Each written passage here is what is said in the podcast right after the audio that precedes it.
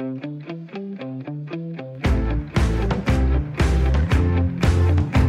lytter til Sportsugen med mig, Claus Elgaard. Just præcis. Velkommen til Sportsugen. Det har vagt en del opmærksomhed, at fodboldspillere i DBU-regi er blevet vejet offentligt. Det er kommet frem i DR-dokumentaren De Usynlige Syge.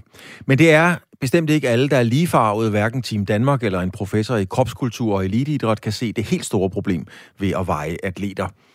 Den engelske fodbold mastodont Manchester City risikerer at blive tvangsnedrykket, fordi klubben måske ikke har levet op til det, man kalder financial fair play. Der er Super Bowl, det er stort. Claus Elming kommer med et bud på kampen, og så er der sat en fuldstændig vanvittig rekord i amerikansk basketball.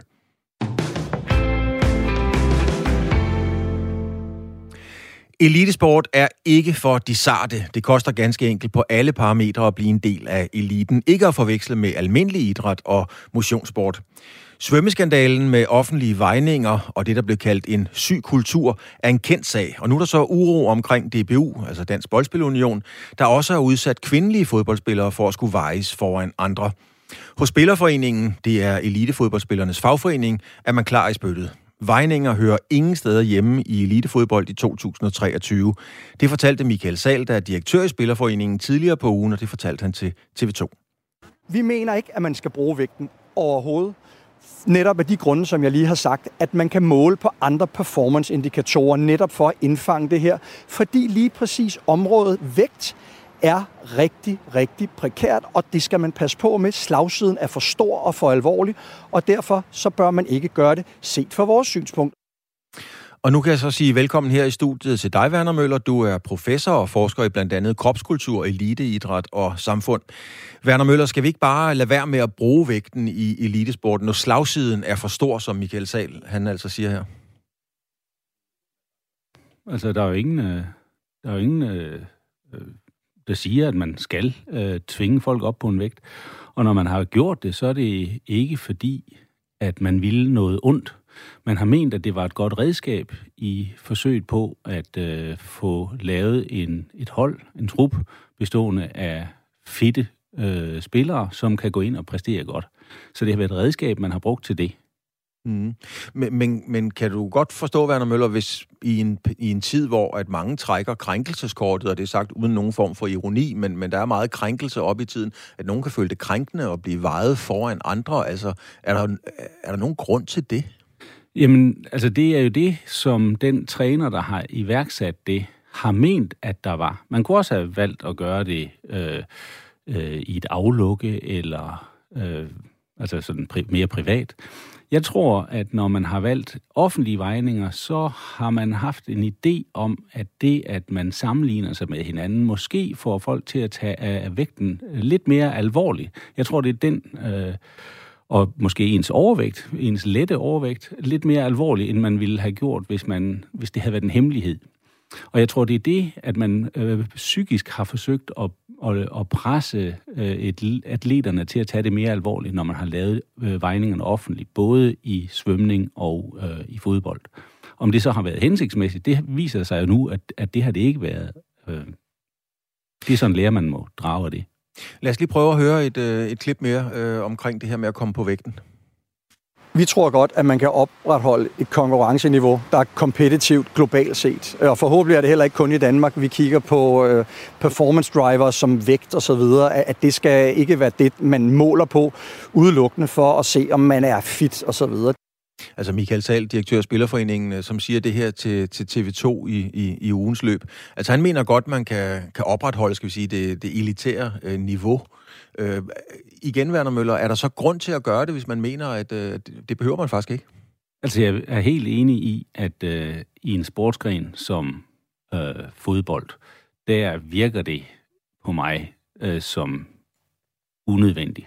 Øh, hvis vi kigger på andre sportsgrene, hvis vi kigger på sådan noget som cykelsport for eksempel, så er det jo helt indlysende klart, at der bliver man som øh, atlet øh, nødt til at være meget opmærksom på sin vægt, og der vejer de sig selv hele tiden for at finde ud af, øh, om de kan blive endnu lettere i forhold til at bevare deres, øh, øh, deres muskelmasse sådan, at de kan transportere sig. For hvis man kan, hvis man kan smide en, øh, bare nogle få hundrede gram, så er det en kæmpe fordel, når man skal køre meget langt op ad bakke.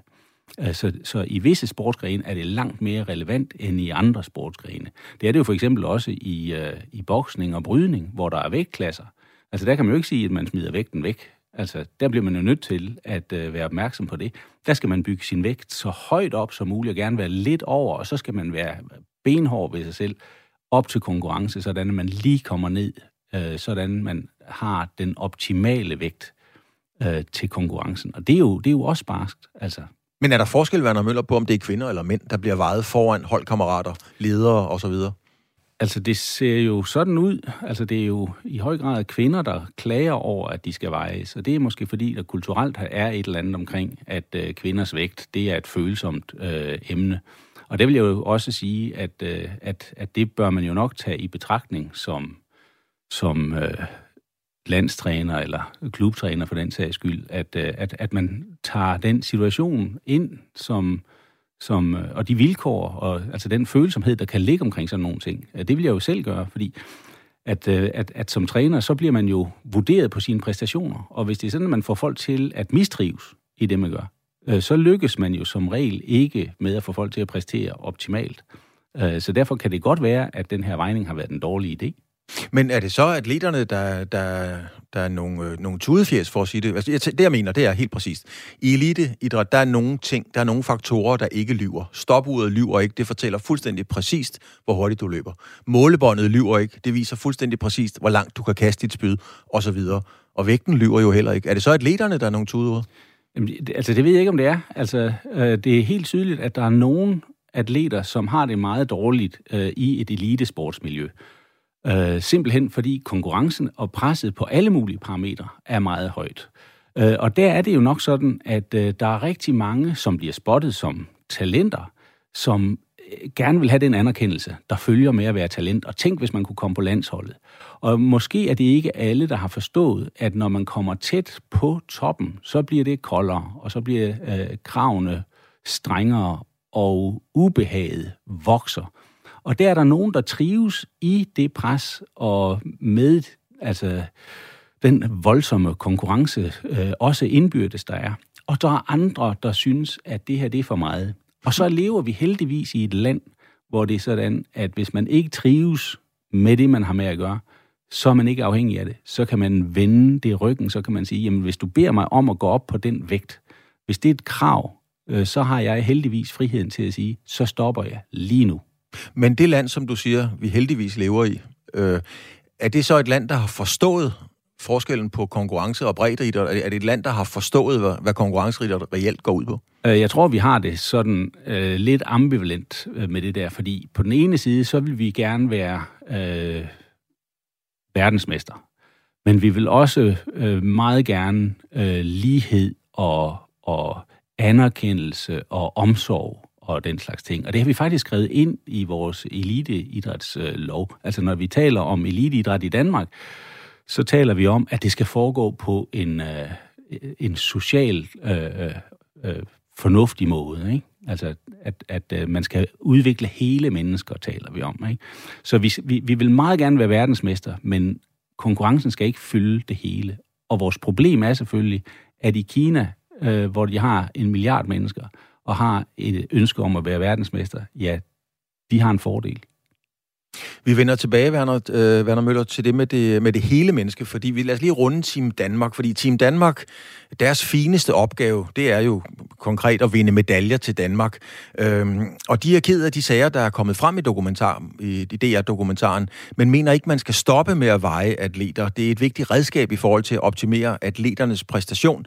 Det fortæller Lars Balle Christensen, som er sportsdirektør i netop Team Danmark. Jamen altså, vejninger øh, er jo øh, et redskab, der kan bruges i nogen sammenhæng. Øh, og det er klart, det er ikke, øh, det er ikke noget, man altid skal bruge, øh, men, men, men under kontrollerede forhold og ordentlige forhold, øh, så, så synes vi absolut, at, at vejning øh, kan være, være hensigtsmæssig at, at, at benytte sig af. Øh, det kan for eksempel være, at hvis man har atleter, der er på træningslejre, eller er i, ja, i træningslejre op til en vigtig konkurrence, eller er i et konkurrenceforløb øh, med, med, med flere konkurrencer over flere dage, at man ligesom følger øh, ens vægt i forhold til at sikre, at man har den rigtige balance med vægt eller med, med, med væske øh, og kosten, øh, så man har mulighed for at justere. Øh, men det skal foregå på en måde, hvor, hvor man er sikker på, at de atleter, øh, man arbejder med, og som bruger det her redskab også, ved, hvad det er, man skal gøre. Øh, der skal være nogle folk omkring dem, som kan støtte dem, øh, hvis de har spørgsmål eller noget til det. Øh, så, så vores klare anbefaling, det er, at man, man skal ikke gøre det, som Michael sagde nu, og sige, at man skal stoppe med at, med at veje. Øh, men man skal bruge det med, som et, et element i forhold til at skal hvad skal man sige, optimere ens præstationer. Øh, men det skal være under nogle kontrollerede forhold øh, og nogle ordentlige forhold, så atleterne er helt trygge ved det. Kan du forstå, hvis der sidder nogle lyttere derude, der sidder og tænker, at altså, vejninger, det lyder meget, ja, i mangel af bedre ord, lidt primitivt. Altså, man kan så meget i 2023 og så videre. Altså, er der virkelig ikke andre måder at, og, hvad hedder det, få de samme informationer på, som en simpel vejning simpelthen? Altså, der, der findes jo rigtig mange forskellige øh, muligheder for at lave målinger, øh, og, og det, det giver jo noget data, som skal være med til at kvalificere de beslutninger, man tager, og der er vejning et af de elementer, man bruger. Øh, der er også andre øh, ting, man, man, man benytter sig af. Øh, så det, og det, det giver jo et tal, øh, som man på en eller anden måde skal prøve at forholde sig, forholde sig til og se, om er der noget ud fra det tal, vi nu får her, som vi kan, som kan gøre, at vi kan optimere noget. Øh, som man kan hjælpe atleten til at præstere endnu bedre, eller være klar til den præstation, som man skal ud og udføre.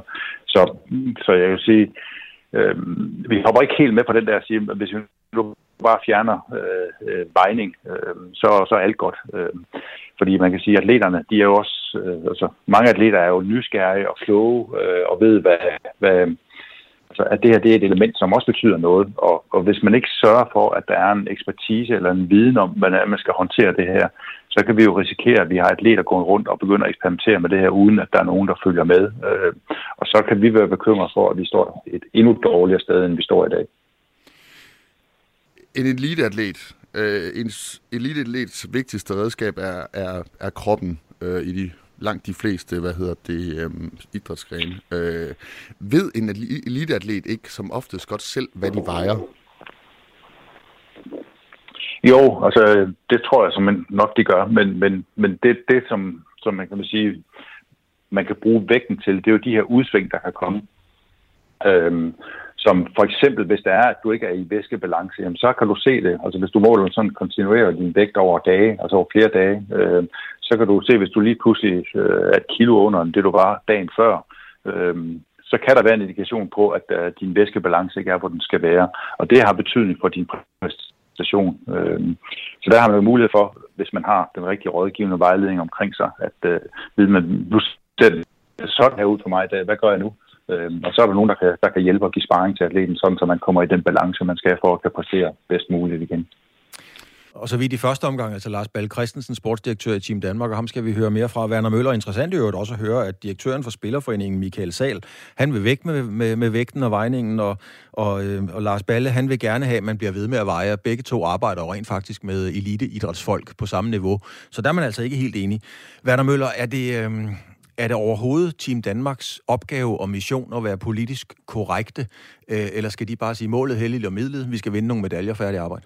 Det er helt klart, at de bliver også nødt til at uh, tænke i politisk korrekthed, uh, al den stund, at de jo får offentlige midler, og uh, de skal forsvares på en uh, social ansvarlig måde. Det er jo derfor, det er indskrevet i, elite, i eliteidrætsloven, at uh, vi skal have eliteidræt i Danmark, men det skal foregå på en socialt ansvarlig måde. Og øh, det vi får frem i øh, den her dokumentar, som har været, det er jo, jamen er det en social ansvarlig måde, når det er sådan, man kan se, at folk får det dårligt med det. Og der er vi jo i et dilemma, altså fordi eliteidræt, det er ikke lavet for, at folk skal have det godt. Øh, det er, øh, der er nogen, der har det godt med det, men sagen er jo, at øh, eliteidrættens øh, natur eller væsen øh, er, at vi skal have sidet folk fra. Altså, det, det gælder sådan set om, at, øh, at, at øh, fedtet, det bliver skåret fra, og de, de skarpe muskler, de står tilbage. Men lad mig så lige, øh, undskyld afbryder, men lad mig så lige spørge dig direkte. Er eliteidræt så overhovedet socialt ansvarligt? Øh, ja, det kommer jo an på, hvordan man definerer social ansvarlighed. Det er i hvert tilfælde ikke øh, socialt ansvarligt i forhold til, at øh, hvis, det, hvis man forstår det som krav om, at alle, der er derinde, skal trives med det. Men skal det så være socialt ansvarligt i forhold til, at man jo gerne vil vinde medaljer? Jo, men altså, øh, jeg vil jo sige, at, at så længe det er frivilligt, at man går der ind i det her, så er det socialt ansvarligt, sådan set. Altså, øh, fordi at, øh, så længe at vi ikke tvinger folk øh, til at, øh, at stille op, øh, når man ikke presser folk til at, øh, hvis de ikke føler sig klar til at gå ind i, i, i, i kampene, øh, så vil jeg jo sige, at så er det socialt ansvarligt. Men altså social ansvarlighed som det, at det ikke må gøre ondt på nogen, det er jo helt, øh, det er jo helt til månen, altså. Eller helt på månen. Lad os lige vende, Werner Møller, lad os lige vende tilbage til Team Danmark, fordi de siger, at der er også en, en samfundsmæssig udfordring, det mener i hvert fald Lars Balle Christensen, altså sportsdirektøren i Team Danmark, og den afspejles også i elitesport. Tendenser i samfundet i forhold til det hele menneske har fået stor fokus i de senere år, og det kan være en udfordring at forene jagten, øh, at forene det med jagten på fysisk præstation.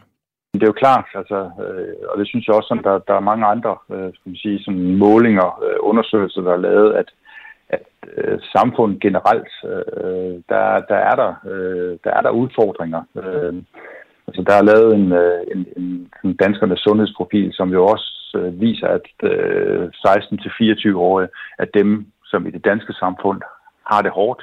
Øh, og spejler den her undersøgelse også omkring med, med det her, der er lavet fodbold, at den her målgruppe, det er dem, der har det hårdt. Altså, øh, så på den måde, så, adskiller elitesporten så ikke fra det, fra det, sådan, det generelle danske samfund. Øh, men det er jo ikke ens betydende med, at vi ikke skal tage de her problemer alvorligt. Øh, vi skal jo stadigvæk arbejde med at sørge for at, at sikre, at der er nogle, noget ekspertise, der er noget viden om, hvordan man kan støtte de atleter, når de oplever øh, de her ting øh, ude, i, ude i de forskellige miljøer.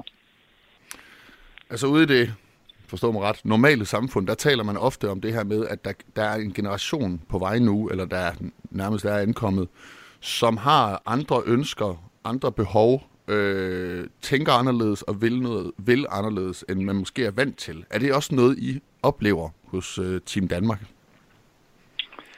Ja, men det er det klart. Altså, og jeg kan jo sige, øh, inde på, på det sportspsykologiske område, der, vi prøver med de få ressourcer, vi har, at, at få, få det bedste ud af dem. Øh, men, men vi, vi har også set os nødsat til, at vi er nødt til at opruste på, på hele det sportspsykologiske område, så vi har ansat flere eksperter, som kan arbejde øh, med, med forbundene. Øh, men vi har, jeg tror, vi har måske seks års værk øh, af sportspsykologer, som skal arbejde med 25 forbund. Øh, så hvis vi skal gøre mere af det her, jamen, så kræver det også, at vi får flere ressourcer at arbejde med. Øh, fordi ressourcer det er sindssygt vigtigt i forhold til at kunne understøtte atleterne øh, i deres udvikling, og når de så står også og skal præstere på allerhøjeste niveau. Altså det lyder som om, det du siger, det er, at de nye generationer her, jamen, at de er mere ressourcekrævende i forhold til det sportspsykologiske, end tidligere måske har været. Er det rigtigt forstået?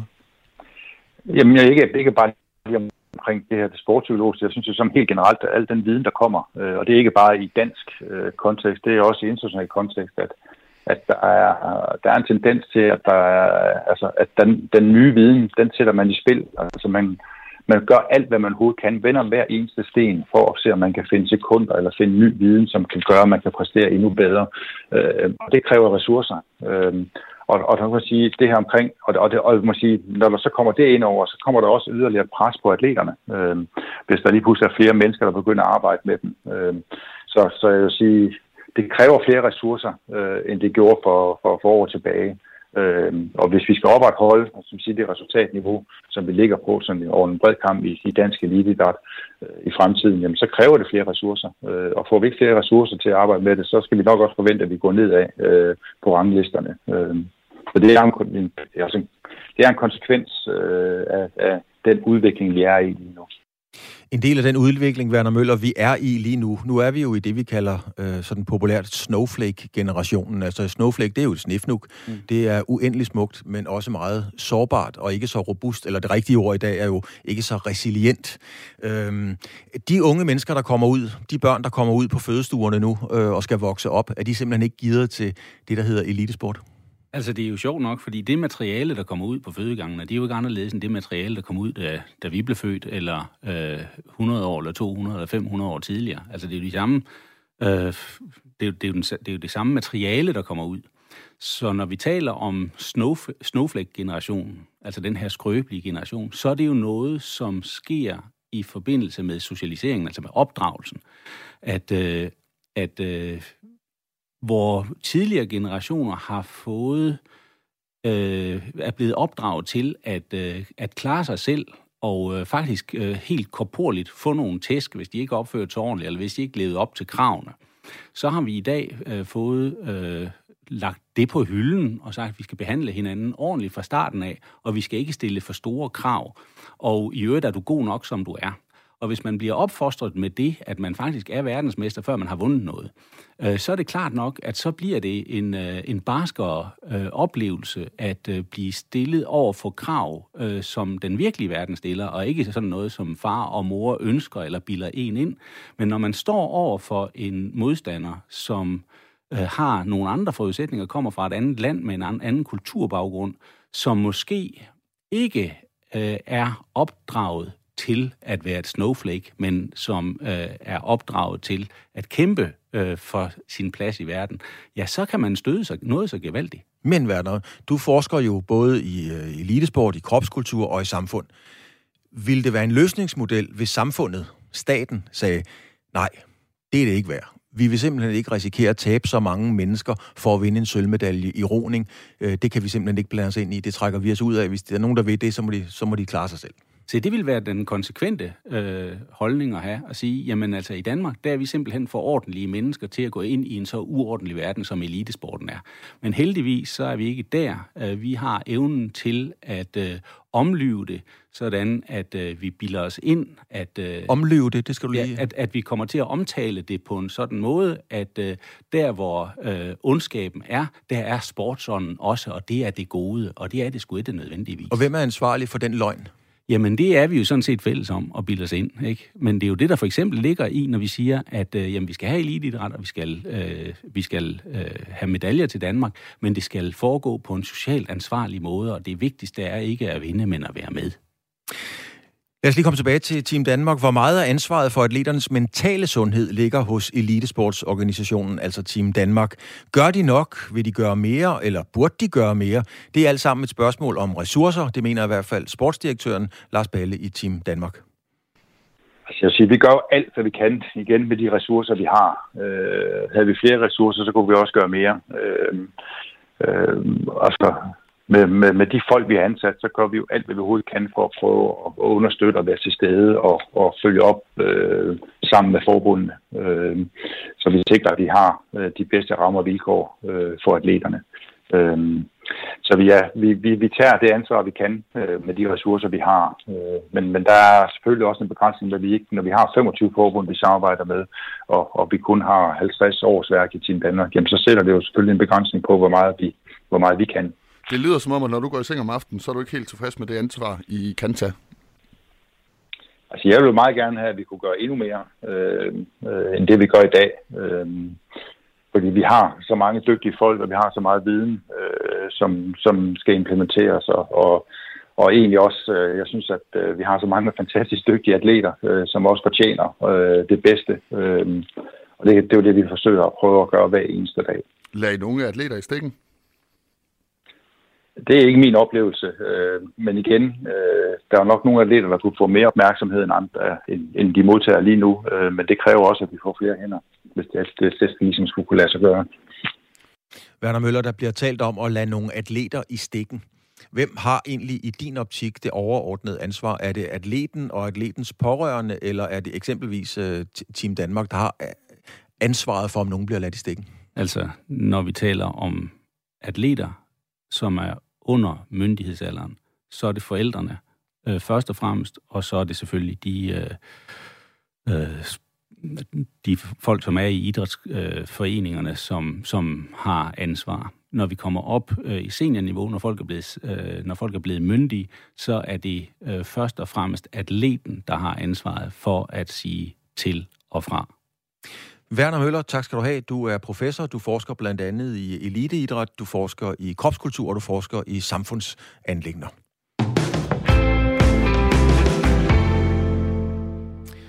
Og et helt andet tema, men her kan man sige, ja, man fristes til at sige, så er den gal igen igen. Det handler om fodbold, det handler om de allerstørste klubber, der igen viser, at man er villig til at gå langt, samtidig for langt, i jagten på at sikre sig milliarder til det kontante, konstante vedløb om at sikre sig de bedste og dyreste fodboldspillere i verden. Og denne gang er det så de engelske mestre fra Manchester City, som er blevet taget med fingrene dybt i kagedåsen. Manchester City har overtrådt reglerne om financial fair play og begået flere andre regelbrud. Det fastslår Premier League efter fire års efterforskning. Regelbrudene strækker sig over ni sæsoner og daterer sig tilbage til 2009-2010 sæsonen og frem til 2017-18 sæsonen. Jeppe Brock Laversen, du er journalist på politikken og har et godt indblik i den her sag. Først og fremmest, hvad er det Manchester City helt konkret øh, har gjort? Ja, hvis man spørger Manchester City selv, så har de jo ikke gjort noget. Men det, som Premier League øh, mener, øh, at de har gjort, og som tidligere også UEFA har ment, at de øh, øh har gjort, øh, Manchester City, det er at kanalisere øh, skjule en kanalisering af pengestrømme fra deres ejere, nemlig Abu Dhabi, øh, ind i klubben, simpelthen for at få råd til at købe bedre spillere, styrke sit hold og nå øh, verdenseliten i fodbold. Øh, det har de gjort på forskellige måder. De har ligesom øh, et af de mest øh, kendte og markante eksempler, det var, at de havde et øh, hovedsponsorat. Det var flyselskabet Etihad. Øh, et år, der skulle de betale 67,5 millioner øh, pund for sponsoratet. Øh, men mails fra Football Leagues, det er der alle afsløringerne stammer fra, det er det her kæmpe læk øh, af dokumenter fra fodboldverdenen. Øh, der er nogle mails fra Football Leagues, hvor øh, lederne i Manchester City klart omtaler, at af de her 67,5 øh, millioner øh, pund fra Etihad, så kommer 59,5 af dem i virkeligheden fra Abu Dhabi og slet ikke fra Etihad. Så på den måde har man brugt et hovedsponsorat, ser det ud til, til at øh, simpelthen føre penge direkte fra ejeren over i klubbens øh, regnskaber.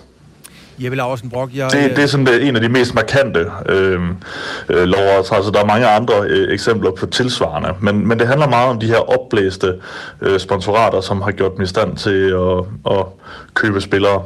Ja, Jeppe Larsen Brock, jeg tager lige nogen, øh, noget fra Sønderregistret øh, sådan i punktform. Altså, Manchester City er beskyldt for urigtige oplysninger om blandt andet sponsorindtægter, Øh, Øh, det samme det gælder oplysninger om spillernes kontrakter, det er specielt i perioden fra 09 til 13. Øhm, så er der brud på Financial Fair Play-reglerne, øhm, som blev indført af det europæiske fodboldforbund UEFA.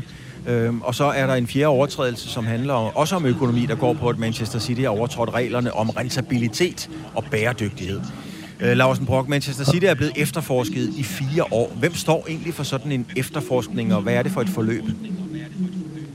Ja, altså det har været et meget, meget langt forløb. De sætter, øh, det, det er Premier League, altså det er organisationen Premier League, øh, som har en gruppe, der så at sige har efterforsket det, og så fungerer det en, øh, en lille smule ligesom retssystemet, at når de har efterforsket, så giver de det videre til nogen, øh, øh, der ligesom skal vurdere, om der er grundlag for at rejse anklage. Det har taget rigtig, rigtig lang tid, Øh, sagen blev startet lige efter, at øh, øh, de artikler med afsæt i Football League, som øh, især Spiegel, men også også på politikken, vi bragte tilbage i 2018. Og hvad de har brugt de fire år på, Øh, ja, det, det, det, det kan de kun øh, selv svare på, for det er enormt lang tid. Især når man tænker på, hvor alvorlige anklager det faktisk er. Øh, så har City jo bare spillet videre, og de er blevet ved med at købe spillere, så det er, øh, det er et meget, meget langt forløb i forhold til, at det de egentlig er anklaget for, øh, med en vis sandsynlighed sådan set er fortsat øh, i den her øh, periode. Øh, jeg, vil godt, jeg kan også godt nævne et eksempel på, på en af de andre ting, du, du nævnte, nemlig det her med, øh, at de har skjult øh, aflønninger til til øh, trænere og spillere. Der er for eksempel et tilfælde, at øh, da de havde Roberto Mancini som træner, jeg tror det er fra 2009 til 13, jamen der havde han en kontrakt med Manchester City på et vist beløb, og så havde han en anden kontrakt med øh, som konsulent for en øh, fodboldklub i øh, Abu Dhabi, der hedder Al Jazeera. Og Al Jazeera havde samme ejer som øh, Manchester City, altså øh, dybest set staten øh, Abu Dhabi, øh, og Sheikh Mansour, som han hedder, øh, ham der står i spidsen for det. Og på den måde kunne de ligesom holde en del af Mancinis løn væk fra Manchester Citys regnskaber, øh, og, og det er jo blandt andet noget af det, som Premier League øh, slår ned på nu. Altså man kan sige, at øh, Premier League de laver en undersøgelse af en af deres egne guldkalve, nemlig Manchester City. Altså, de undersøger sig selv på et eller andet niveau. Øh, Lausenborg, hvor, er det troværdigt overhovedet? ja, når, jeg, når jeg får den slags spørgsmål om idrættens verden, så, så er mit standardsvar altid, at idrætten plejer at vise sig fuldstændig ud af stand til at rydde op i egne rækker. Øh, og, og derfor øh, vil der t- altid være en vis skepsis om sådan en undersøgelse her. Men når de så kommer med sådan et anklageskrift på 115 punkter over en 9-årig årrække, så ser det ud, som om de tager det alvorligt. Så ser det ud, som om de rent faktisk har øh, sat sig ordentligt ind i de dokumenter, som, øh, som, øh, som øh, er blevet fremlagt fra Football Leagues, til rent faktisk at prøve at dokumentere, hvad det er, Manchester City har lavet i den her lange årrække. Så, så på den måde er jeg faktisk en lille smule mere optimistisk øh, omkring det her, øh, end så mange andre undersøgelser. Øh, altså, Hvorfor det så har taget så lang tid, og hvorfor det kommer frem nu, øh, det, det, det, det, det synes jeg virker mærkeligt. Altså det er mærkeligt, at det skulle have taget så lang tid, selvom det er komplekst, og selvom det strækker sig over mange år. Og hvad er det reelt, som Manchester City Men en af grundene, skal jeg lige skynde mig at sige, en, ja. af, en af, Ja, undskyld. Øh, det, jeg skal bare lige sige, at en af grundene til, kommer jeg at tanke om, at det har trukket sig ud, er selvfølgelig fordi, at Manchester City har sprallet gevaldigt i nettet. De har gjort rigtig meget for at forhale det. De har for eksempel nægtet at, at udlevere øh, nogle af de dokumenter, som blandt andet er dokumenteret i Football Leagues, har de øh, nægtet at udlevere til efterforskerne, og der er faktisk en dom tilbage fra 2021, hvor de bliver pålagt, at de skal altså øh, udlevere øh, de her dokumenter. Så det er selvfølgelig også langt hen ad vejen Manchester Citys skyld, at det er trukket i langdrag. Mm. Hvad, hvad er det, Manchester City risikerer at kigge ind i? Altså, hvad er worst case scenario for dem? Jamen, worst case scenario, det er en, det er en tvangsnedrykning, øh, må det være. Altså, der er i Premier League-reglerne et, øh, et rimelig hvide rammer for øh, strafmuligheder, øh, og de, de strækker sig hele vejen fra en lille reprimande, altså en løftet pegefinger, over øh, bøder, over øh, øh fratrækning af point, til øh, decideret tvangsnedrykning. Øh, og tvangsnedrykning vil selvfølgelig være øh, meget alvorligt for Manchester City. Hvordan, hvordan skal man så tolke den her sag? Skal vi tolke det som om, at systemet øh, er i stykker, da klubberne bliver ved med at kunne overtræde Financial Fair Play-reglerne? Eller skal vi tolke det som om, at systemet rent faktisk virker, fordi at nu Manchester City er blevet taget med fingrene i kagedåsen? Øh, jeg vil nok hælde til den første udlægning, for øh, man skal huske på, at Manchester City var aldrig nogensinde blevet fanget, hvis ikke det var på grund af øh, Football League, som øh, portugiseren Rui Pinto jo står bag. Øh, whistleblower kalder han sig selv. Hacker øh, er han anklaget for at være. Øh, hvis ikke han havde øh, skaffet de her dokumenter fra Manchester City og delt, når de var kommet ud i omverdenen, så var det formentlig aldrig blevet opdaget, hvad Manchester City øh, har gjort, eller ser ud til at have gjort. Øhm, så, så jeg ser det ikke som systemet sejr, det her, men faktisk i virkeligheden mere en, en whistleblowers og, og journalistikkens øh, sejr hvis det ender i en sejr, skal vi lige skynde os at sige. Det øh, kommer vi til at følge en masse op på. Jeppe Larsen Brock, du er journalist på Politiken. Du har kæmpe indsigt i det her og var på sporet af den her allerede for lang, lang tid siden. Tak fordi du har mulighed for at være med. Det var så lidt. På onsdag er det 25 år siden, at Danmark vandt den eneste medalje ved vinter-OL nogensinde. Det var nemlig da curlingkvinderne med Helena Black Laversen som skipper vandt sølv ved OL i Nagano, og det var jo i Japan. Lige pludselig var curling hot, og de ellers totalt anonyme, ukendte curlingspillere blev landskendte nærmest overnight. Vi kom på fornavn med Trine, Dorte, Margit og Helena. Jeg havde faktisk selv fornøjelsen af at kommentere kampene ved OL, og for et par dage siden havde jeg min sanden fornøjelsen igen af at tale med Helena Black Laversen og Trine Kvist om de overvældende oplevelser, som de havde i 1998 i 3000 meters højde i Japan. Dengang i 98 sagde Trine Kvist ikke ret meget, og slet ikke til pressen. Du, Trine, du har jo allerede sagt flere ord nu, end du gjorde under hele OL. Trine er blevet voksen. Trine er blevet voksen. Jeg er kommet efter det. du, du, du var sgu ikke så meget for at tale derude. Nej, nej. Hvordan havde du det med, med hele den opmærksomhed? Øh, jamen, jeg, jeg synes, det var fantastisk at spille på isen, og var virkelig sådan, yes, og nu, og, altså det havde jeg det. Men jeg var ikke så vant til pressen og sådan noget, så der ville jeg gerne overlade det til de andre. mm. Hvordan var det for dig? Fordi der var jo meget presse. Det var ja. jo ikke kun TV2, det var jo hele den danske presse, ikke? Jo, øh, da, vi, da jeg var derude, der for, tror jeg ikke rigtigt, jeg forstod, hvor, hvor stort det egentlig var. Vi hørte jo selvfølgelig mm. øh, derude, at der, var, at, at der var meget opmærksomhed derhjemme, og det blev mere og mere, jo flere kampe vi vandt og sådan. Så jo, det var, det var spændende. Men, men jeg vil gerne have lov til ja. at tilføje noget. Ja. Dengang, der var internettet jo nærmest lige opfundet. Altså, man kunne skrive en mail og sådan det, rundt omkring. Det er rigtigt. Der var jo ja. ikke Facebook og det ene og det andet, ja. som der er i dag, så det er svært at vide, når man er så langt væk fra hvad hedder det, Danmark, hvad der egentlig sker og rører sig. Jo, der var nogle aviser, vi fik tilsendt nogle forsider, eller mm-hmm. man faxede en forside yeah. gang imellem til os. Så, så, men altså, ja, det var lidt stort, men ikke, jeg var slet ikke klar over, at det var så stort. Altså, jeg fik et chok, da jeg kom hjem over, hvor Altså, da jeg kom hjem og landede i lufthavnen dagen efter, der havde jeg lige en ekstra dag, fordi jeg er ikke særlig god til det med at, at vende om på nat og dag øh, så kørte jeg ud for at handle. Ja. I radioen var der allerede en eller anden der overtagelse til at komme med på øh, Kølinglandsholdet, og hvordan vil du overbevise Helene på P3? Altså, jeg sidder bare, jeg var ved at køre grøften og tænkte, hvad fanden sker der her? Så kom jeg ud i Bilka og skulle handle. Og så alle folk, de stirrede på mig, og jeg havde det bare sådan, det var dengang med min eksmand, hvor vi var ude at handle, og så siger jeg til ham, er der noget galt med mit hår? Er der noget af min bukserevne? Hvad, hvad sker der her? Indtil der lige pludselig var en, der kom ind og sagde, må jeg få en autograf? Og så måtte jeg stå og skrive autografer i Bilka. Ja, og så. hvordan var det? Ja, det havde jeg sgu ikke lige prøvet før, hvis jeg skal være helt ærlig. Nej, altså. men, og det var sjovt, fordi du havde jo kølet i altid. Ja, jeg havde kølet i 20 år på det tidspunkt i hvert fald. Ikke? Så, ja. ja, det var lige som, ja, det var for at være rejse ud ukendt til at komme hjem kendt. Ja. Ja. Trine, var du, øh, altså, var du sådan, øh, hvordan, hvordan forberedte du dig på det? Fordi OL er bare større, end de fleste kan tænke sig til. Det har jeg selv oplevet, desværre ikke som, som deltager, men som journalist. Og selvom jeg har været til det rigtig mange gange, så hver eneste gang, så var det bare større, end jeg overhovedet havde forestillet mig. Ja. Hvordan havde du forberedt dig mentalt på, hvad det ville sige at komme til OL? Jamen for mig, der var det bare en kæmpe glæde, fordi at jeg allerede helt som barn har altid gået meget op i OL, har siddet og set alle OL, jeg kan huske, og været en af dem, der skrev resultater ned og klippet udklip ud og alt det her. Så det har sådan været sådan en kæmpe drøm mm-hmm. at tænke, hvis man engang kunne komme til et OL. Og nu så, så stod man jo selv der og skulle afsted, og jamen, altså, glæden den var bare så stor og enorm, så man så, det, så, så, så nervøsitet og sådan noget, det, det forsvandt på, på en måde og blev Altså det, det gik mere ud på, at man var så glad og glæde sig så meget til det, man skulle. Ja, du virkede heller ikke nervøs derude, kan Nej, nej. Altså du sagde som sagt ikke så meget af det, som ikke for at være ironisk. Nej, det er men... nok sådan, som jeg er som person måske. men, øh, det, det, var det i hvert fald dengang, kan man, øh, kan, kan, kan man sige.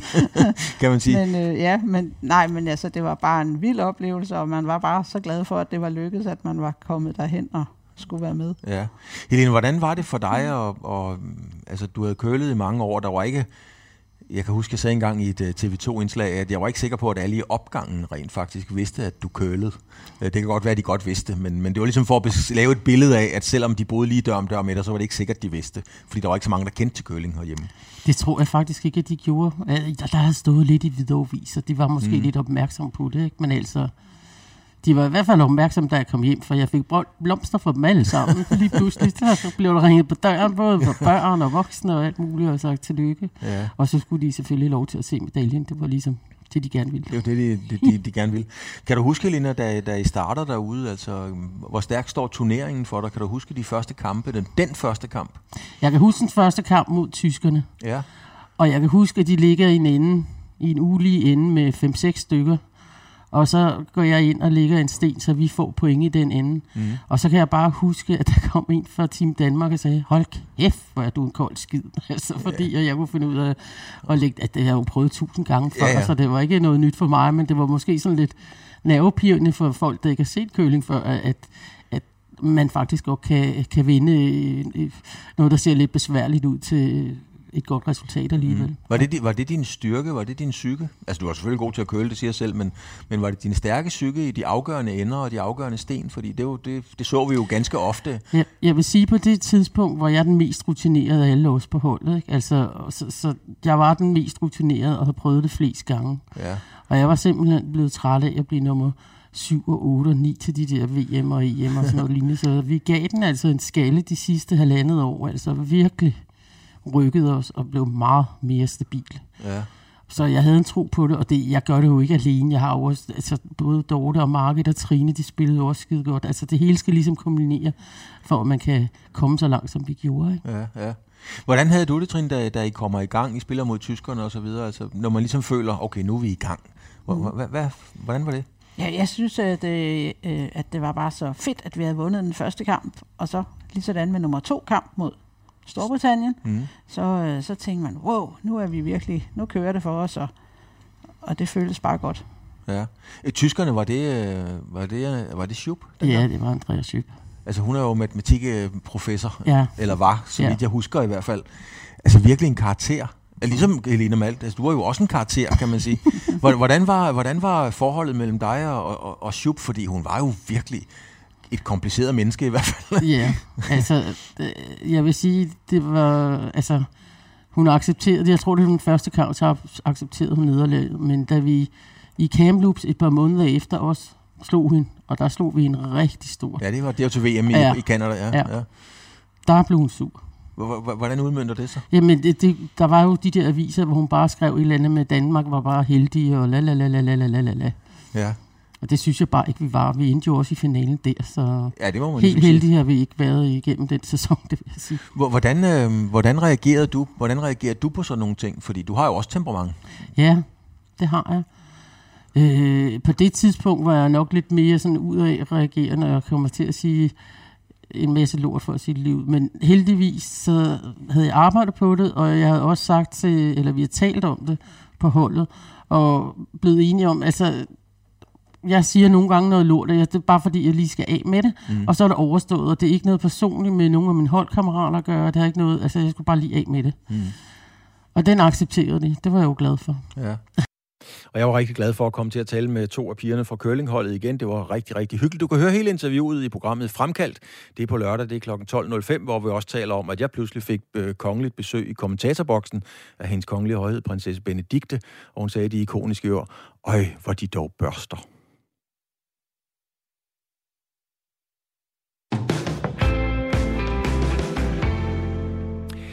En af de største sportsbegivenheder hele året skal afvikles natten til mandag. Slaget står mellem Philadelphia Eagles og Kansas City Chiefs. Det er Super Bowl, som ubetinget er noget af det største på alle parametre, som sporten overhovedet kan byde på. Og hvis man skal tro på bookmakerne, og det skal man jo bestemt ikke altid, så har Eagles en mindre favoritrolle. Claus Elming, du er ejer af NFL-sitet Gul Klud, og så er du jo ekspert på podcasten NFL Showet. Er du enig i, Elming, at Eagles må bære favoritrollen? Nu er det jo torsdag, og øh, jeg, og tak i øvrigt, øh, Claus, øh, og jeg øh, skifter altid mening sådan i Super Bowl-ugen øh, et par gange, øh, men lige nu og her, der vil jeg faktisk sige ja. Øh, der, er, der er en masse betragtninger, der går ind i det her, øh, og, og jeg kan godt se Eagles som favoritter. Dog vil jeg fremhæve en enkelt ting, og det er, at Kansas City Chiefs har en cheftræner, der hedder Andy Reid, og når du giver ham lidt ekstra forberedelsestid, så er han en mester til at komme op med en effektiv gameplan. 33 gange i karrieren, der har han haft en ekstra uge til at forberede sig. Han har vundet 29 og tabt 4. Her der er der også 14 dage mellem semifinalerne og Super Bowl. Ergo, han har en ekstra uge til at forberede sig, så han skal nok komme op med et eller andet sjovt. Mm. Altså selve kampen, Eagles mod Kansas City Chiefs, øh, er det sådan en ren quarterback-duel, øh, som du ser det, eller er det mere end det? Nej, det er på ingen måde en ren quarterback-duel. Altså, på den ene side, der har du Chiefs øh, unge superstot, der hedder Patrick Mahomes, som har taget ligaen med storm igennem de sidste fem år. Og på den anden side, der har du en ung øh, upcoming øh, fyr, der hedder Jalen Hurts, som har nogle helt andre kvaliteter, nemlig at han er virkelig dygtig til at løbe bolden selv. Øhm, og de to er selvfølgelig i fokus, fordi quarterback er så markant en position. Men hvis man dykker sådan lidt dybere ned i det, så er den primære øh, Øh, opgave i den her kamp, det er, øh, den foregår i skyttegravene. Og når jeg siger skyttegravene, så mener jeg de der kæmpe, store, tunge drenge, 140 kilo plus, der står inde i midten. Både Chiefs og Eagles kommer med to virkelig dygtige offensive linjer. Den offensive linje, det er de fem drenge, der skal beskytte quarterbacken og lave huller, når der skal løbes. Og de fem, som Eagles kommer med, og de fem, som Chiefs kommer med, det er nogle af ligaens aller, allerbedste. Men på den anden side af bolden, på forsvaret, dem, der skal destruere, dem, der skal ødelægge alt, hvad angrebet forsøger at komme med, dem, der skal ind og sække, altså øh, få takket quarterbacken, og dem, der skal stoppe løbet, der kommer Eagles med en rigtig, rigtig giftig kvartet. En kvartet, som er tæt på at være rekordsættende, og, og faktisk kan slå rekorden i Super Bowl, hvis de gør det godt for, for flest tags i en sæson. Og den opgave der, Chiefs offensiv linje mod øh, Philadelphia Eagles defensiv linje, det ser jeg som det helt store matchup i den her Super Bowl. Mm. Patrick Mahomes, som du selv nævner, øh, jeg ved ikke, om han havde en ankelskade, men der sker i hvert fald noget med ham mod Jaguars, mener jeg, det er. Altså, er der en mm. skade, der er aktuel? Prøver man at, at, at tone den ned, eller hvordan vurderer du status på den? Fordi det kan jo være meget afgørende. Ja, man forsøger på ingen måde at tone det ned, fordi alle ved, den er der. Men det vilde af det hele, det er, at Jalen Hurts, Eagles quarterback, jo også har en skade, som han fik øh, tre uger før grundspillet stoppede. Øh, så det er to quarterbacks, der kommer ind til den her finale, hvor alle ved, at der er ingen af dem, der er 100% øh, klar. Men det bliver tonet ned på den måde, at det sådan, at man, man prøver faktisk på at undgå at tale om det. Men alle ved godt, at Mahomes, han har altså den der ankelskade der. Han, han får det, der hedder et high ankle sprain, som sådan set er en, er en meget kraftig forstuning i det område, der går fra anklen op mod knæet. Og, øh, og det tager normalt seks uger at komme sig over. Og det her, det er altså kun øh, 3 uger siden, at det skete for Mahomes. Han spillede endda for 14 dage siden. Så det er, det er vanvittigt, at, at han er i stand til at, at spille på den ankel der. Og man kunne også se for 14 dage siden i semifinalen, at han var i smerte.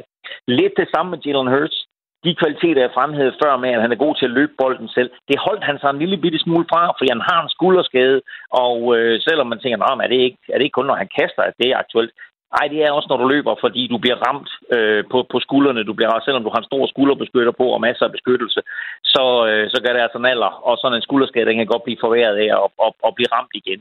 Så øh, de er begge to skadet, og det kommer til at begrænse deres udfoldelsesmuligheder, men vi håber selvfølgelig på, at lad os sige, at de er på en 95 procent begge to på søndag. Elming, øh, de to hold, der skal spille, øh, der, skal, der er Super Bowl her, øh, er det de to rigtige hold? Ja, det er det jo efter en lang turnering, men er der noget overraskende i, at det er dem? Altså, hvis du havde spurgt mig inden sæsonen, så havde jeg nok sagt, at Kansas City Chiefs var et godt bud. altså, mit bud inden sæsonen var Buffalo Bills i den halvdel, som Chiefs kommer fra, og, og mit bud i den halvdel, som, som Eagles kommer fra, det var, det var Green Bay Packers, så det var selvfølgelig helt forkert set. Og jeg tror ikke, der var ret mange, der havde forventet inden sæsonen, at Philadelphia Eagles skulle komme så langt, som de er, at de står i Super Bowl nu. Men de har været det bedste hold, ikke kun i deres halvdel, men faktisk i hele NFL. Øh, så de har spillet imponerende fodbold, både offensivt og defensivt. Det er helt fortjent, at de står der. De var også første seed i deres halvdel. Kansas City Chiefs var også første seed i deres halvdel. Og det mest imponerende ved det, det er, at det har de været fem år i træk nu under Patrick Mahomes. Det er første gang nogensinde, det er sket. Så det siger også lidt om, omkring de kvaliteter, og det han er kommet ind med i ligaen. Så ja, det her det er faktisk sæsonens to bedste hold, der står der. Det er to forskellige angreb, men to ufattelig effektive angreb. Det er også to meget forskellige forsvar med et Eagles forsvar, som har været dominerende hele sæsonen, og så et Chiefs forsvar, som topper lige her til Super Bowl. Elming, jeg holder uanset hvad altid med dig. Du er ejer af NFL-sitet Gul Klud, og så er du ekspert på podcasten NFL-showet. Stor fornøjelse, Claus Elming. God kamp. Jamen, tak Elgård. Jeg holder med dig. tak skal du have. det er godt. LeBron James har sat ny scoringsrekord i amerikansk basketball. Det tog spilleren fra LA Lakers 20 år. 20 år sæt rekorden, men den er også ganske imponerende. LeBron James har scoret, hold godt fast, 38.388 point i grundspillet i NBA, og på den måde går han lige forbi en anden legende, nemlig Karim Abdul-Jabbar. Rekorden kom i hus, da LeBron James scorede 36 point mod Oklahoma City Thunder. Rekorden er så stor, at USA's præsident Joe Biden han følte trang til at kommentere den på amerikansk tv. Morten Stig Jensen, du er vært på Bosserbeater, og så er du NBA-ekspert. Hvor stor en ting er denne her rekord, som LeBron James øh, har sat? Ja, men det er jo fuldstændig enormt. Altså, vi, vi taler om en rekord, som der har stået der i, øh, i over 33 år. Altså, det, det, det er jo uhørt, at man egentlig, at man nu til dag ser sådan en rekord blive slået, for det var en af dem, der blev sat i sin tid, hvor man ligesom cementerede, det er en af dem, der står for altid. Den bliver aldrig slået. Vi kommer aldrig videre. Vi finder aldrig et talent, der kan, der kan komme op og score så mange point. Og så skete det sgu alligevel. Det er, det er noget, der er på alle slæber, og det har jo sat hele den her store, hvem er den bedste nogensinde debat i gang, og ja, det, det, det trækker altså overskrifter i USA og verden over. Og lad os da endelig blive den, øh, den debat, Morten Stig. Hvem er sådan, er, altså nu er LeBron James vel definitivt den største, bedste, mest legendariske spiller i NBA-historien? ja, det kan man jo godt mene. Øh, jeg tror, jeg vil, hellere, jeg vil hellere vinkle det på den her måde, og så sige, hvor at den her store, bedste nogensinde debat var, uh, hvor det var Michael Jordan, der ligesom var anset som, som den bedste nogensinde, og der var ikke nogen, der kunne udfordre ham. Så er feltet blevet mere åbent nu. Nu begynder det at minde lidt mere om fodbold, hvor der ikke er én fast øh, bedste nogensinde. Der har man ligesom et, et lille arsenal af spillere, hvor man så siger, om jeg vælger ham, eller jeg vælger ham. Og altså, jeg har jo personligt Michael Jordan stadigvæk som min bedste nogensinde, men jeg kan på ingen måder pege fingre af dem, som der vælger LeBron i stedet for. Øh, det kommer ned til præference, det kommer ned til, hvornår man er født, det kommer ned til så mange forskellige faktorer. Så jeg synes egentlig bare, det er fedt, at vi har flere ombud nu, for det skaber mere debat, og det skaber også mere værdsættelse, synes jeg, af de her store talenter. Jeg skal da lige huske at spørge, uden at bryde nogen GDPR-regler. Morten Stig, hvad din søn hedder? Jamen, han hedder da Jordan. ja, skal I så ned og have skiftet navn nu her, eller? Nej, det, det skal vi ikke. Og det er faktisk begge unger, der er nævnt efter Michael Jordan, så det er, det, det, det er simpelthen... Det, det, jeg, jeg kan ikke hoppe fra den. Det gør jeg simpelthen ikke. Det bliver, det, det bliver den legende, som jeg går med resten af mit liv, og det er jeg kun glad for. LeBron James, han fik jo overragt øh, hederen, eller hvad skal man sige, han, han talte med, med, med ham, han overhældede, nemlig Karim Abdul-Jabbar. Øh, hvordan reagerede en mand af hans kaliber, altså LeBron James, på at stå over for Karim? Altså, hvordan reagerede Kareem, siger du? Ja, eller hvordan reagerede LeBron James på at, at stå foran Kareem Abdul-Jabbar, velvidende, at han lige havde slået hans rekord? Ja, det var selvfølgelig stort. Det skal siges, de to har ikke haft et, et, øh, et forhold, så at sige. De er bare sådan lidt i periferien af hinanden, men det er jo selvfølgelig altid stort at stå over for sådan en levende legende, som der har gjort, hvad han har formået. Altså, Kareem, for uden den scoringstitel, han holdt i så mange år, der vandt han jo også øh, masser af mesterskaber, han vandt masser af MVP's. Han er jo en af de helt bedste nogensinde, så det har jo betydet alverdens øh, for LeBron. Der er ingen tvivl om, at man står der og hilser på den her legende, og som der ligesom modvilligt, eller med medvilligt retter står og siger, men tillykke med rekorden, den, den har du fortjent. Det må være noget, som man husker til den dag, man dør. Ingen tvivl. Jeg kom øh, i tanke om, øh, jeg har to film, jeg værdsætter meget højt. Den ene, det er Game of Death. Jeg er Die Hard Bruce Lee-fan. Og så Højt at flyve, som er sådan en, øh, en skør, crazy yeah. film fra dengang. Og der er Karim Abdul-Jabbar jo i øvrigt med i begge film, bare lige for at sige noget. Der, der, der gik han lige op for mig. Nå, det er en anden historie. Øh, Morten Stig, er der nogen på vej, som måske kan slå rekorden? Det kan være, at de først slår den om 10 eller 15 eller 18 år, men er der nogen på vej dernede, som, hvor det kunne være? Muligvis. Problemet ligger i, at nu til dags, så er sporten så meget mere krævende, end den var for bare 15 år siden. Og det gør, at man som klub begynder faktisk at sige til sine stjernespillere, du skal spille lidt mindre, du skal ikke spille så mange minutter. I stedet for at spille 40, så vil vi gerne have dig med på omkring 32. I stedet for at spille 82 kampe i grundspillet, så vil vi gerne have dig med på 70. Og det gør det jo så selvfølgelig svært at slå de her rekorder for point, rebounds, assist osv. Men talentmassen er der. Altså, vi kigger på en Luka Doncic i, i, i Dallas. Øh, for, for en ren produktionsperspektiv, der kunne man sagtens se ham slå den øh, afhængig af selvfølgelig, han ikke var skadet på noget tidspunkt, og øh, han spillede alle de der 82 kampe, og han måske spillede lidt flere minutter per kamp. Men øh, de omstændigheder, som jeg nævnte før, de kunne godt gå ind og forhindre det. Men Morten, så er der lige en, et andet element, og nu, nu går jeg lige ind på dit territorie, fordi det er dig, der er eksperten. Men, men når jeg sidder og ser klip fra 80'erne og så videre, så spiller man da meget hurtigere i dag. Altså frekvensen af afslutninger er der dramatisk højere. Så selvom man sidder udenfor i en 3-4 uger, så, øh, så over 10 år, så når man da afslut flere gange, gør man ikke det? Det gør man jo, men det er det der igen, der kommer ned til minutterne, fordi at spillerne, der spillede i 80'erne, de spillede meget ofte 40-41 minutter per kamp. Og, og når du så skalerer det ned til 32, så, så begynder det at udlignes en lille smule i henhold til, hvor mange skud du egentlig får. Plus talentmassen i NBA er blevet så massiv, den har aldrig været bedre, og det betyder jo så også, at du som elitetalent spiller sammen med flere elitetalenter, der også skal have skud, men også blevet mere uselvisk nu til dags. Man indser, at hvis jeg har en åben holdkammerat på siden, jamen så svinger jeg bolden derhen i stedet for at tage skuddet til, og det kunne altså godt påvirke især scoringstitlen. Øh, Morten Stig, øh, du, du er jo vært på programmet Boss Up Meter, og vi har lige øh, to minutter tilbage her. I kigger jo på, det er jo deadline på, på, på trade deadline i NBA, og det, det sætter I fokus på blandt andet, er det rigtigt? Det er fuldstændig rigtigt. Vi lavede en øh, næsten to timers lang special, som der kom ud her mandag, som man kan komme ind og lytte til. Fred Deadline, det er i aften kl. 21 dansk tid. Og øh, ja, det, vi kommer også til at snakke om det i programmet her på fredag. Altså, der kommer vi til at samle op på alt, hvad der er sket, for det har været uhyre aktivt indtil videre. Kevin Durant og Kyrie Irving, to, øh, man kan argumentere top 10 spillere i NBA, er allerede rykket videre til andre hold. Så der har været enorm aktivitet på det, på det trademarked. Og hvis man har lyst til at være endnu mere nørdet, så kan man hoppe ind på, øh, på YouTube i aften og følge et tre timers livestream, som jeg sætter i gang med, med to kollegaer, øh, hvor vi øh, sidder, simpelthen sidder og nørder det i tre timer. Mm. Og, øh, men har der været nogen, nu nævnede du nogle navne, det svarer jo til, hvis, øh, hvis øh, Messi og Mbappe og så videre havde skiftet hold i, i, i vores fodboldtransfervindue, som vi kender. Har der været nogle af de der lattenknaller skifter, som øh, de måske ville have kaldt det i Tyskland? Ja, altså de der helt store, eller hvordan? Det, det ja, må være, præcis. ja, det er dem. Kevin Durant og Kyrie Irving. Altså Kevin Durant her røg her for 5-6 timer siden fra Brooklyn Nets til Phoenix Suns i en fuldstændig vanvittig tradepakke. Og det, det har fuldstændig ændret magtbalancen i Western Conference over i NBA. Altså nu vil jeg godt våge at påstå, at uh, Phoenix Suns nu er mesterskabsfavorit, når man kigger på Vest. Det er en kæmpe, kæmpe trade, som der har ændret alt for, uh, for Western Conference her i år. Og lige på de sidste 20 sekunder, øh, Morten, ligger der en handel, som man bare lige venter på at komme ud af faksen, eller... Øh, eller ja, hvordan? det gør der. Vi, vi, venter, vi venter på, at Toronto Raptors de i hvert fald uh, trader tre af deres starter, fordi at de har nogle kontraktuelle, uh, skal vi sige, problematiske, problematiske elementer over sig, som der gør, at de skal flyttes her i dag inden kl. 21 i aften, så det bliver enormt spændende at følge. Tak skal du have, Morten Stig Jensen. Du er vært på Bosserbeat, du er NBA-ekspert. Øh, og så, som du selv fortalte om her, så kommer der jo altså virkelig for nørderne, og for dem, der bare har lyst til at høre noget god radio, så øh, tager I virkelig hul på, på de her øh, temaer i uh, dine programmer. Morten, tak fordi du havde mulighed for at være med. Det var, hvad vi nåede i denne her omgang. Vi har været inde omkring uh, vejninger i elitesport, og man er bestemt ikke enig i uh, Team Danmark med det, man mener i Spillerforeningen om den sag. Klokken er 14, det er tid til